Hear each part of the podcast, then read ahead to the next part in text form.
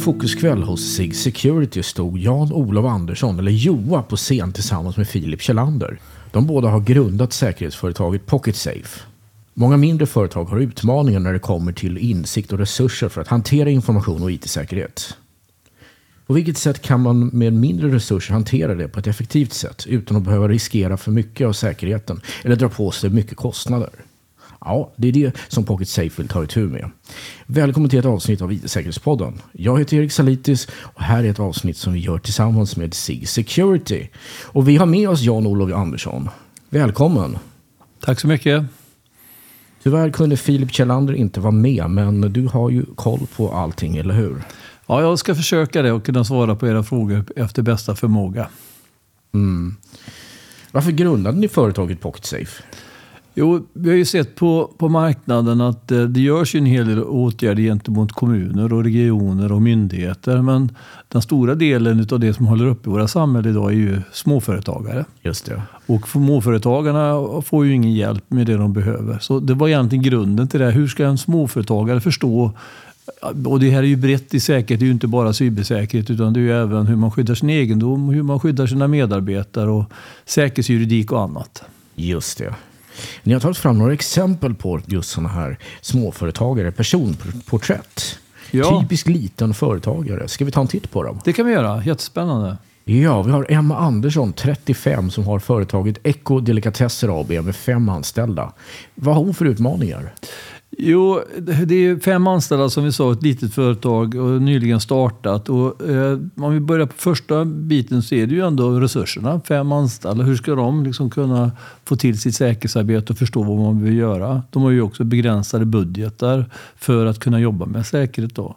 Sen är det ju också så att de eh, ska ju konkurrera med större drakar på marknaden för att få in sina produkter. Det är också en utmaning i det här.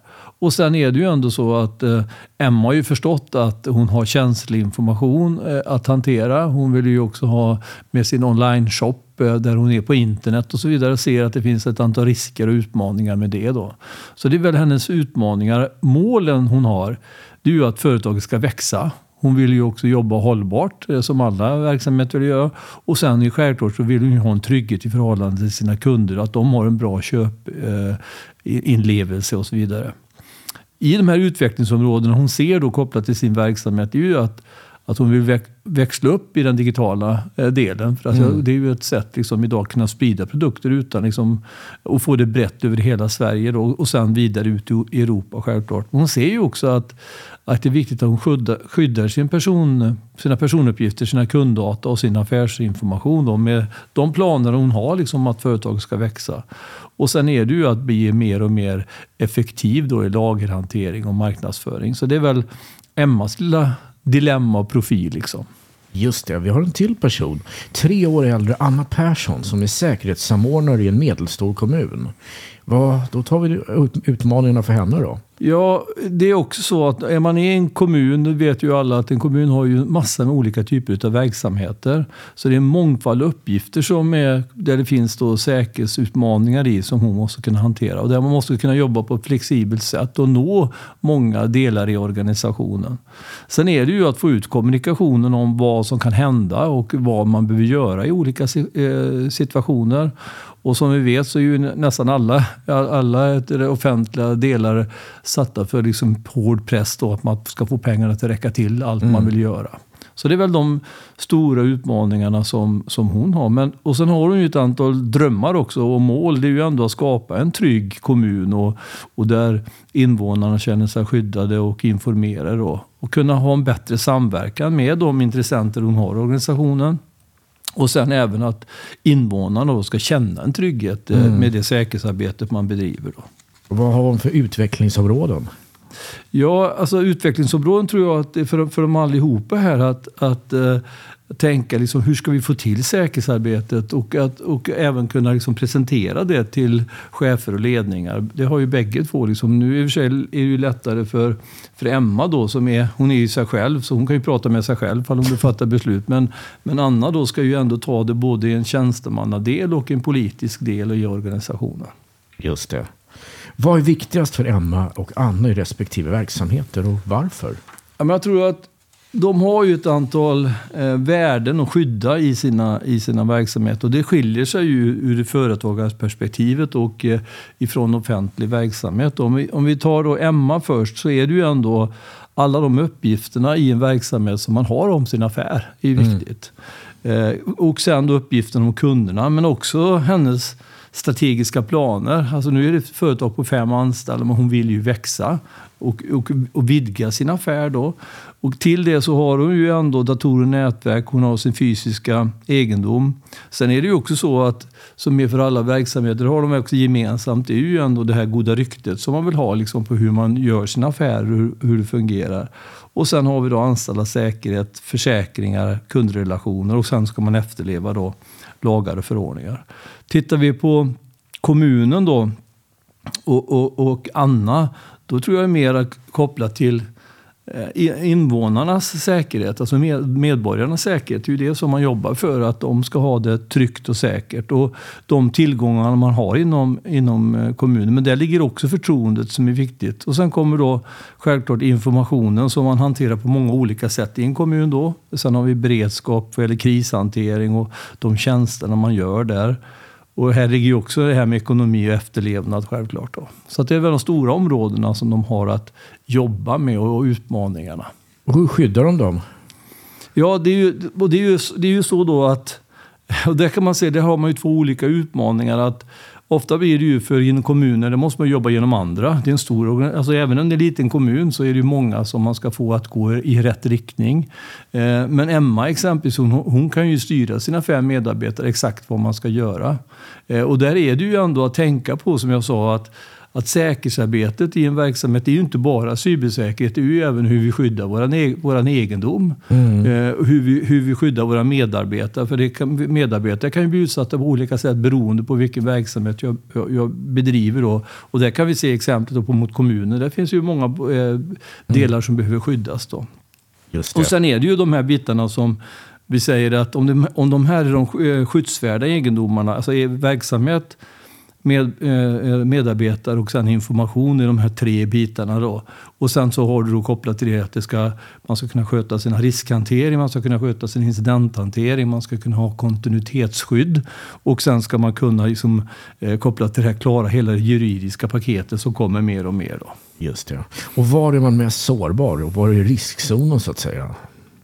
Jag tror idag är det ju ändå eh, informations och cybersäkerhet som är den stora drivkraften. Sen har vi ju självklart eh, ett antal saker som ligger kopplat till det geopolitiska läget, terrorhotet som har höjts och så vidare. Så man får, man får inte tappa bort de aspekterna också beroende på vilken verksamhet jag bedriver. Då. Mm. Eh, och nu, vi har de här två typföretagen för ändå liksom, att man ska kunna förstå liksom, vad är skillnaden och vad är bredden i det man behöver hantera för en liten organisation. Då.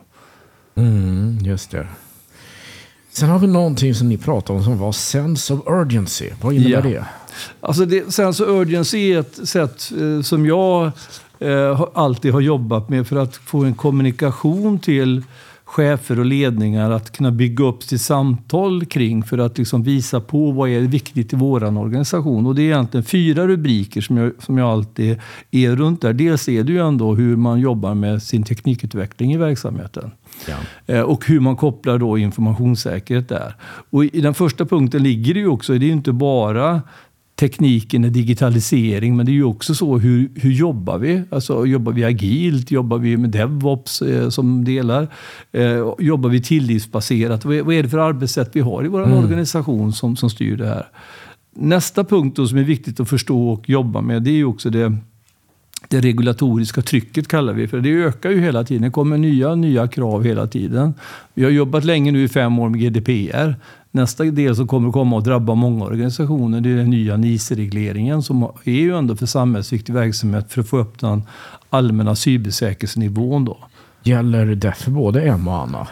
Ja, e- efter det, NIS exempel gäller ju inte för, för, för Emma direkt. Eh, men det, men det är också så att eh, i, i det här hur hon växer i sin affär och vad är det då för delar som hon försörjer. Så hon kan ju behöva liksom tänka på det här. Hon kan också leverera till organisationer som, som är beroende av detta. Exempelvis skolor eller annat då, där hon levererar mat och så vidare till dem. Då. Just det. Eh, och sen i, i det här så måste man också förstå liksom vilka andra regulatoriska krav man har beroende på vad är det för bransch, verksamhet jag, jag befinner mig i. Så att det är viktigt att förstå ändå mm. eh, vilka lagar och förordningar som, som, som omfattar min verksamhet. Och, och, och sen tredje punkten som jag brukar prata om det är ju ändå att och det kommer ju egentligen ifrån, eh, som var det nya egentligen med GDPR, att att där har ju tillsynsmyndigheterna fått lite muskler med att de kan utdöma sanktioner och de kan liksom säga vad du får göra, inte göra i din verksamhet. Och det är också viktigt att man, att man hänger med där. Och det kommer komma mer och mer sånt då med de andra regleringarna också. Att, att tillsynsmyndigheter tittar på din verksamhet. Säkerhetsskyddet, om man omfattas av det, är en verksamhet också. Och den sista punkten, den fjärde punkten, är ju då att man har en insikt i hotbilden. Och där försöker jag alltid prata om och det har jag märkt också när man läser i media och annat, att man, att man, har, att man kladdar ihop det här. Hot är ju alla tänkbara händelser som kan mm. inträffa. Hotbilden det är ju en, en, där vi också har en angripare som har en avsikt att göra någonting mot verksamheten. Och sen har du tredje biten som är risken mot företaget. Då gör man ju bedömning på sannolikhet och konsekvens i förhållande till min verksamhet. Hur sannolikt är det att det här inträffar och vad blir konsekvensen i min verksamhet då? Och då är det viktigt ändå att vi att vi följer med och tittar. Och det kan man titta på de här två då, liksom att de har ju olika hotbilder i de här verksamheterna, på vilket sätt man kan bli utsatt, hur man exponerar sig och, så vidare. Då. Så det är viktigt ändå att man, att man förstår vad jag kan bli utsatt för och mm. att man då även i det kopplat kan ha då en, både en incident och kontinuitetshantering som är vettig. Just det. Det är lite ostadigt på olika håll. Politiskt, ekonomiskt, socialt, teknologiskt och ja, bredare användare av AI ställer ju till en del. Och så har vi miljön och juridiken. Vad finns att säga om det? Jag tror att det är en utmaning för, för mindre organisationer att, att förstå och hänga med i, i alla de här olika aspekterna. Och det är ju därför vi ser det som en viktig del i, i, i, eh, i Pocketsafe också. Att, att utgångspunkten är ju ändå om vi ska kunna ändra beteenden och, eh, och stå emot de saker som är i verksamhet och organisationen, då måste vi ha kunskap. Har vi inte kunskap, då kommer vi inte heller kunna liksom ändra vår intention till att skydda oss exempelvis. Och, och jag, jag, tror också oftast är det väl så att det måste drabba en först, men så måste hända någonting först för att man ska liksom kunna ta, ta, ta till sig det här. Och det tror jag är speciellt viktigt för mindre organisationer som inte har de här resurserna. Större företag har ju ofta säkerhetsmänniskor som är med i projekten, i mm. de initiativ och aktiviteter man gör från början. Eh, och ställer fram de kraven som man ska ha för det och så vidare. Så det gäller ju att vara med eh, och, och, ha ändå en grundläggande förståelse för kopplat då till det jag håller på med. Vad är det för krav? Vad är det som kommer bakom hörnet där också? Om vi tar oss tillbaka till Emma som importerar delikatesser och Anna på kommunen. Hur påverkas de av allt det här? Ja, men jag tror att det som, som vi sa då, att eh, det finns ju faktiskt en allmän hotbild idag mot alla verksamheter som finns där ute. Och där är det ju också så att om vi tittar på cybersäkerhetsområdet speciellt då, så är det ju ändå så att Även om jag inte är i, i mål, alltså jag är inte fokus egentligen för den, det angreppet man gör. Men jag hamnar i trålen. Jag brukar säga det att, tänk det här på Nordsjön, de här stora trålarna som ligger där och ska fånga torsk. Men de får ju massor med annan fisk också i det här. Och gamla bildäck och sånt. Och gamla bildäck och plast och allt vad det är de drar upp för någonting. Så de får ju massa annat i fångsten som de kastar ut. Och lite mm. grann är det ju här också att de här typen av verksamhet kan ju drabbas av sådana aktiviteter där man testar en nations eh, förmåga att skydda sig eller man testar mm. en organisations förmåga att skydda sig. Och då kan man bara åka med och drabbas utav det här. Det. Och, och, då är det ju väldigt svårt för en sån här mindre organisation också att ha den här förmågan att kunna hantera händelsen när den inträffar också. Och hur ska då Emma och Anna veta allting de behöver veta? Ja, och det är ju det att det, det, kommer de ju inte göra om de inte har något systematiskt sätt att få reda på det här. Exempelvis som Pocketsafe då. Där vi, en viktig del i Pocketsafe är ändå att vi genom att skriva artiklar inom alla de här säkerhetsområdena gentemot medarbetare, mot egendom, gentemot hur man skyddar information och de andra man säger, processerna som man behöver för sitt säkerhetsarbete. Där vi hela tiden liksom är det här örat mot rälsen och skriver om det då som är viktigt att, att tänka på. Höga vattenflöden var det nu i somras exempelvis. Eller om när terrornivån höjdes. Så vet vi, jag tror alla, eh, alla eh, eh, personer tänkte så här, men vad är det man menar konkret? Vad är det konkret jag ska göra? Och då försöker vi omsätta det. Om jag är en liten företagare eller om jag är företagare, hur ska jag tänka då? Vilka åtgärder ska jag vidta? Ni fungerar som någon form av konsulter till dem? Ja, enkelt. man kan säga att vi är ett filter. Vi är, ett, eh, vi, vi är den som ger dem den här informationen som de, som de behöver för sin verksamhet. Och eh, en annan del i det är också att att vi är den här plattformen, vi kommer kanske prata mer om Pocky sen, men vi är den här plattformen som gör att, att de kan ställa frågor till oss i plattformen direkt.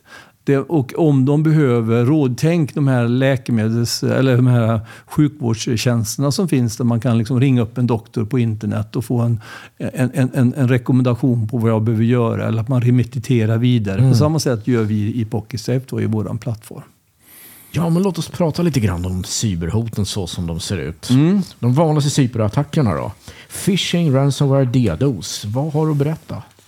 Ja, man, det, man kan säga att det är väl, det är väl eh, händelser idag som alla organisationer måste ha ett skydd emot. Mm. Och då kan man tänka sig, om vi tar det, vi kan, kan starta vid Emma exempelvis, att har hon förståelse när hon pratar om hur hon ska jobba med sin, sin IT och så vidare, att hon måste ha skydd mot de här funktionerna.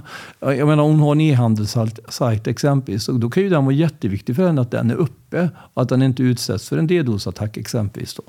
Så jag tror att det är det som, som ligger i att få vägledning i vad är det för eh, fem hot eller tio hot som du i din organisation måste faktiskt införa säkerhetsåtgärder för att kunna kompensera dig emot. Det finns ingen som talar om det för företagarna på, på ett systematiskt och strukturerat sätt. Då. Och kanske även släpper fram då guider för vad, jag behöver, vad är det jag behöver göra då för att få mm. en viss eh, motståndsförmåga i det här. Ja, vi känner ju till de flesta stora organisationerna och hur de arbetar med det här. Men vilka säkerhetsutmaningar står Emma och Anna inför här? jag tror att eh, starten är ju ändå liksom att, att veta vad man ska göra. tror jag. Dels ska man säga, veta vad är som händer där ute och sen veta vad man ska göra. Och sen ha en vän. Det är det som ja. PocketSafe är, att ha en vän man kan ringa till och fråga när det dyker upp problem eller man får störningar. Och förhoppningsvis är det ju också att att de här bägge två ska kunna vara liksom lite proaktiva i sitt tänk då. Att, att, att, faktiskt tänka saker innan de har inträffat för att mm. sen då införa säkerhetsåtgärder för att hantera det. Då. Låt oss titta lite grann på deras behov då. Hur gör de när någonting väl händer? Ja, där tror jag också att där är det ju ändå, eh, om, om, om man inte har något stöd, vad är det man gör då? Då får man ju, eh, och det finns ju faktiskt ingen det finns ju ingen organisation direkt eh, som, som kan stötta dem i, i, i det här arbetet. Då. Eh, och då blir det ju ändå så att då kommer de väl googla runt. Eh, eh har, har de PocketSafe då kan man alltid via PocketSafe ta kontakt med en specialist som direkt kan rådge vad är det du behöver göra. Då. Just det koll på tillgångar och sånt där måste de ju ha också. Ja, och det, och det är ju det som är när vi, när vi ombordar dem i den här plattformen då så hjälper vi dem liksom att föra den dialogen. Vad är det för tillgångar som du har i din verksamhet som är då skyddsvärda som du behöver sedan koppla årsaktiviteter mot. Men om vi tar exempelvis då som en, en viktig sak och som har hänt mycket tycker jag nu under september, oktober månad. Det är ju de här heter det, eh, Zero Day-aktiviteterna som var kopplade till Apple. Att, att du var tvungen att snabbt uppdatera din, ditt operativsystem exempelvis. Bara sådana grundläggande delar har ju oftast inte en företagare klart för sig att man måste göra. Du måste, liksom, du måste göra det. Du måste, liksom, du måste bygga in det som rutiner i din verksamhet för att, för att du inte ska vara sårbar. Då. Ni har något som kallas för en anslagstavla. Vad är det? Ja, det är, ju, det är ju det att man kan säga, vi har ju då senaste nytt kan man säga där vi, där vi eh, informerar de kunderna som är i plattformen om vad är det som händer där ute. Vad är det man behöver se upp mot och, och vara lite snabb där eh, med den informationen ut till dem. Och anslagstavlan är ju också att att med information eh, kopplat till exempel till arbetsställen man har. Om man, man, är en verksamhet som är på flera fysiska arbetsställen, då är det också så att man behöver information om vad är det jag gör på just det arbetsstället. Och de lapparna som vi har exempelvis, Ja, men går, det, går någonting sönder, vem är det man ringer? Om, mm. om man, en ruta går sönder, vem är det man ringer då för att få den bytt? Om låset inte funkar till inpasseringen, vem är det man ringer då? Alla de här uppgifterna som är grundläggande. Om man ska göra en utrymning från den här, var utrymmer jag någonstans? Det är, mm. det är det som är anslagstavlan då. Just det. Och ni har lite grann örat mot rälsen när ni bygger den där? Ja, vi har örat mot rälsen. För att ge exempel då till företagaren, vad är det för typisk information du behöver ha på den här anslagstavlan då för att snabbt kunna ge information till alla dina medarbetare. Då. Ja, det var cyberhoten. Låt oss ta en titt på säkerhetsarbetet. Mm. Ja, hur ser det ut, tycker ni? Ja, säkerhetsarbete tror jag idag, det är ju det som är att man måste få igång ett grundläggande tänk där. Att, att vilka är mina tillgångar? Eh, på vilket sätt ska jag skydda dem? Och, och sen kommer ju andra bitar i det också som är speciellt viktigt för Emma. Också. Vilket försäkringsskydd har jag? Eh, och i det försäkringsskyddet, fall, fall nu de här stora sakerna inträffar, har jag då ett, ett ekonomiskt skydd som, där jag liksom kan fortsätta min verksamhet om någonting inträffar? Så de bitarna är vi också på liksom i, i den här plattformen när vi liksom ska skapa skyddet till, till, till, eh, till organisationerna. Då. Och hur ska man hantera legala krav? Ja, och legala krav har vi också med som är en del i plattformen, kallar för säkerhetsjuridik. Då. Men där ger vi ju tips och tricks till, till vad man ska tänka på, exempelvis GDPR. Alltså vad, är, vad är det för saker som småföretagaren behöver göra då för att ha, ha koll på de här riskerna som ligger kopplat till det? Så igen då, att, man, att det ska vara lätt att göra rätt eller svårt att göra fel. Liksom. Det är det som vi har i vår ambition kopplat till det här.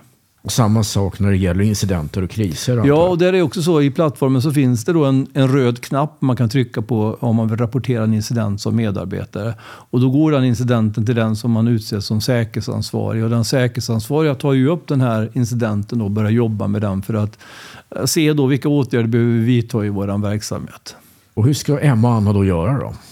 Jo, det är ju ändå så att de behöver ju faktiskt bestämma i organisationen vem, alltså att man ska rapportera incidenter exempelvis och vem det är då som, som ska hantera de här. För att det är också viktigt det här att att få den här dokumentationen i vad är det vi har gjort och vad är det som har hänt så man kan titta bakåt för att titta framåt. Och, mm. och, och det är viktigt, speciellt viktigt tycker jag i, i Emmas fall, jag menar i kommunen, där har man ju ändå en apparat. Men i Emmas fall, liksom, när man vill utveckla sin affärsverksamhet, att då måste man liksom kunna titta bakåt för att kunna fatta rätt beslut framåt. Då, så man gör rätt investeringar och, och har med sig rätt säkerhetsnivå. Då. En reflektion jag gör är att mindre företag nog litar på tekniken men måste förhålla sig till juridiken. Mm. Och det är, ju, det är ju det som är ofta kan man säga så här, man tror ju att, att vi köper en pryl, vi köper en teknisk pryl, vi köper, en, vi köper ett antivirusprogram så räcker det med det. Liksom. Mm. Utan att förstå liksom, vad är det den ska skydda då egentligen och, och eh, i, vilket sammanhang och vad är det vi vill uppnå, vad är det för värde vi vill skapa, skapa med den. Då. Därför är det ju liksom viktigt att veta vad är, det som, vad är det för legala eller vad är det för behov då som styr den här installationen. Jag tror i och för sig att eh, många gånger, de här hoten vi pratade om tidigare, att att eh, där kanske det är ändå så att det är viktigt att man talar om för att ni ska bara ha, ha en, en, en, funktion för det. det spelar, de behöver inte veta allting som ligger bakom varför och så vidare. Man fattar idag liksom att ja, jag måste låsa min, min, min fysiska dörr annars kan jag bli utsatt för, för inbrott. Och samma sak måste man göra in, inom IT. Då. Ja, man kan ju ta ett exempel. Den här delikatessfirman då, de tar betalt och då står de under PCI DSS. Mm. Men de själva kanske inte riktigt vet hur transaktionerna funkar om du använder en stor spelare av typ Klarna. Nej. Och då är det ju ändå så att då måste de ju förstå vilka krav som ställs på dem utifrån det regelverket. Och det gör de ju oftast inte. Och där är det kanske också så att Ja, eh, att den, den motparten, men den, den, den som avvecklar de här betalningarna måste också vara tydliga gentemot Emma. Vilka krav ställer på dig och eh, dina funktioner? Så hon kanske också har kortläsare i, i butiken om man kommer direkt och köper från lagret exempelvis om det går då. Mm. Vad är det som gäller då? Hur hanterar jag de här enheterna och så vidare? Säkerhetsprocessen som ledstång pratar om. Ja, och det är ju det ändå att när vi pratar om säkerhetsprocessen så är det ju ändå så att vi ska ju ha ett säkerhetsarbete som gör att vi inte drabbas av allvarliga störningar. Och drabbas vi av allvarliga störningar så måste vi kunna hantera dem. För att, för att man ska få till det, då, det både förebyggande arbetet och mm. skadereducerande arbetet så måste jag ha koll och förstå. Jag måste förstå vad är det för krav som ställs på mig. Vilka risker finns det i min verksamhet? Hur gör andra i den här branschen jag är, är i självklart? Och nästa bit, då kan jag fatta beslut om vilken nivå vill jag, vill jag lägga mitt säkerhetsarbete på. Hur mycket ska jag dra på här för att det här ska vara säkert? Hur mycket kan jag ta ut av den här eh, utvecklingen för Emma, men även för Anna liksom, som har också begränsat med ekonomiska resurser. Hur, hur ska jag liksom navigera i det? Hur mycket pengar jag kan lägga på säkerhetsarbetet då? Och sen så ska jag ju göra mitt säkerhetsarbete. Och sen måste jag alltid ha en förmåga, även det lilla företaget måste ha en förmåga att förstå vad är det jag gör om någonting inträffar? Vad får jag hjälp då eh, i det här? Om det är en IT-händelse exempelvis, vem får jag mm. hjälp utav där? Om jag drabbas utav en fysisk händelse, är det försäkringsbolaget som kliver in och hjälper mig? Och vilket hjälp får jag via min försäkring i så fall? Det måste man mm. ha förståelse för. För jag tror många blir överraskade den dagen någonting inträffar, där man ser att Jaha, det var inte alls så som jag trodde att det skulle vara. Vi kan titta lite grann på koncept. Vi tar några koncept och ser om de behövs för Anna och Emma. Mm. Om, vi, om vi börjar på något sätt ändå också konceptuellt och ser om vi tittar på något flöde på vad är det som styr då nivån på det skyddet som de bägge behöver så är det ju affärsmålen i Emmas fall mm. eller uppdraget då i kommunens fall. Men det är också det vi vill göra med vår digitalisering, vår IT. Men det är också hur legala krav och avtal och den etik och moral. Alltså hur vill man bli upplevd eh, kopplat till de här frågorna i verksamheten. Och när man vet det då, då kan man gå in sen och, och göra analyser. Då gör man riskanalyser, man gör affärsbrunnsanalyser, man gör säkerhetsanalyser. Man tar fram det, de styrande dokument man behöver. Man tar diskussioner om vilken organisation behöver vi och vilken kompetens behöver jag. Och, och sen då vilka säkerhetsåtgärder behöver jag införa i min verksamhet. Och sen sa jag att man bör alltid ha ett kontinuitetsskydd. Det är ju vadet då. Det är vadet som man behöver skapa. Men sen måste man trycka ner det i huret. Att att göra det du sa om teknisk realisering mm. exempelvis. Vad är det för skyddsmekanismer jag behöver införa i IT? Vilka skyddsmekanismer behöver jag införa för att skydda min egendom? Eh, med lås och larm och brandskydd och så vidare. Och sen inför jag de här lösningarna och sen så måste jag faktiskt kontrollera och verifiera att de här är på plats. Det är ett koncept kan man säga där man fortlöpande jobbar med det här. Då. Och försöker uppnå då ständig förbättring. Så det är, ett, det är ett koncept som de bägge två kan förhålla sig till i det här. Ett annat är ju ändå som så mycket diskussioner är kring, där jag får mycket frågor och säger så här. Men Johan, det här med ledningssystem och ISO 27001 och så vidare. Kan man göra det för, för exempelvis kan Emma göra det? Mm. Och, och, där är det ju ändå så att de här standarderna då för att hur man inför informationssäkerhet i en organisation som du kan bredda ut, upp egentligen till hela säkerhetsarbetet. De är ju gjorda så att de ska vara anpassade till organisationens förutsättningar. Mm. Så, så, man ska ju föra en dialog där om vad är det jag behöver i min verksamhet utifrån den här strukturen som standarden skapar för att liksom resonera mig fram då till, till vilken säkerhet jag behöver och sen vilka säkerhetsåtgärder. Och där är det ju ändå så att ledningssystem för informationssäkerhet, som man skulle kunna säga då, att ledningssystem för mitt säkerhetsarbete skulle jag också kunna kalla det för i, i både Emmas och Annas fall här då för kommunen. Då. Och, och där är det ju ändå så att, att Eh, om man gör det, då får man en systematik i arbetet. Man, man får också liksom tips och råd på vilken nivå man bör lägga sig på. Mm. Så det, det är ett bra koncept att ha, liksom, att föra resonemang kring. Och den organisation som, som jag känner till som den minsta som, som som eh, har certifierat sin verksamhet. Det var 11 medarbetare. Just det, så det går fortfarande även om du är liten? Att i... använda konceptet ja, för att göra det här på. Vi pratade om LIS ISO 27001. Sen har vi också det allmänt om kommunikation och beteendeförändring. Ja, och där är det ju ändå eh, som jag inledde med att säga att jag tror att om man ska få till någon förändring i en organisation så, så är det ju så att man måste börja exponera området. Och som jag sa, tyvärr då för små företagare och små organisationer så måste det oftast hända någonting. Det har hänt någonting som gör att man blir intresserad av att skydda sin egendom, skydda sina medarbetare eller skydda sin, sin information. Då. Så att, och då kan man säga att händelsen skapar ett intresse som gör då att jag söker information om ja, men hur ska jag skydda mig i framtiden mot det här. Eh, som gör sen då ner att jag får ändra min attityd till det här. Ja, men det här var ju viktigt och det är ju viktigt för, för, att, för min utveckling framåt i verksamheten som sen leder då till en beteendeförändring. Och det måste man ju förstå liksom, i organisationen att det är en Kulturen kommer inte till för, av sig själv. Man måste jobba med det i verksamheten då för att få till den. Och vad av det här klarar Emma och Anna av när det gäller sexarbetet? Jag menar ju att, att har, de grund, har de lite grundläggande kunskap om säk, säkerhetsarbete och vågar fråga, alltså vågar ta stöd utav mm. någon, då kan man, kan man få den här hjälpen till att göra detta. Och det är det vi gör exempelvis genom PocketSafe. Då, att där vi, dels är det så att vi har eh, kompetensen, eh, informationen till alla medarbetarna i organisationen. Det vi också har då som jag sa att man kan skicka in frågor till, till är man säkerhetsansvarig så kan man skicka in frågor till PocketSafe så kan vi svara på dem. Och sen så kan man boka sådana här rådgivningsmöten då där man mer får mer kvalificerad hjälp av en specialist inom någon av de här områdena. Då. Ja. Ja, vi ska börja avrunda, men Pocket Safe har ett erbjudande till alla Emma och Anna där ute. Alltså småföretagare som behöver hjälp med säkerhet. Ett paket från er, vad är det? Ja, vi, har, vi, har, vi gjorde det under cybersäkerhetsmånaden, paketerade vi det här. Jag tror det är enklast också för, för alla lyssnarna att det enklaste är egentligen att skicka till info pocketsafe.se så kan vi förklara mer i detalj på vad det här paketet är. Och vi hjälper gärna till också att sätta upp de här systemen i verksamheten och så vidare. Men det, det här är en tjänst som, som är väldigt billig egentligen för en organisation. Det är det som är tänket, liksom, att, att, man, att det ska inte vara ett hinder för, för en liten organisation och en mellanstor organisation att anskaffa PocketSafe för att få det här stödet i sitt säkerhetsarbete. Då. Så att skriv till oss på info.pocketsafe .se så kommer vi kunna hjälpa er med det. Då får jag tacka dig Joa och att du var med i IT-säkerhetspodden. Jag heter Erik Salitis och vi är tillbaka om en vecka.